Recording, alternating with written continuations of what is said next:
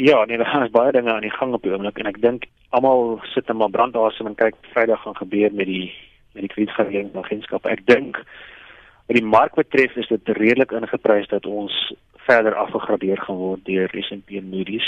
Ek dink dit sou sin maak vir hulle om vir ons kans te gee tot na Desember om te kyk wat wat gebeur met die ANC se konferensie, maar ehm um, dis waarskynlik dat ons afgegradeer gaan word. Ek dink dit so wat die markte betref, dit is dit is redelik ingeprys. Ons weet markte probeer sover dit as moontlik vooruitdink.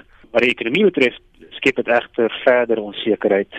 Dit skep so verder knou vir verbruiksvertroue en vir maatskappyvertroue.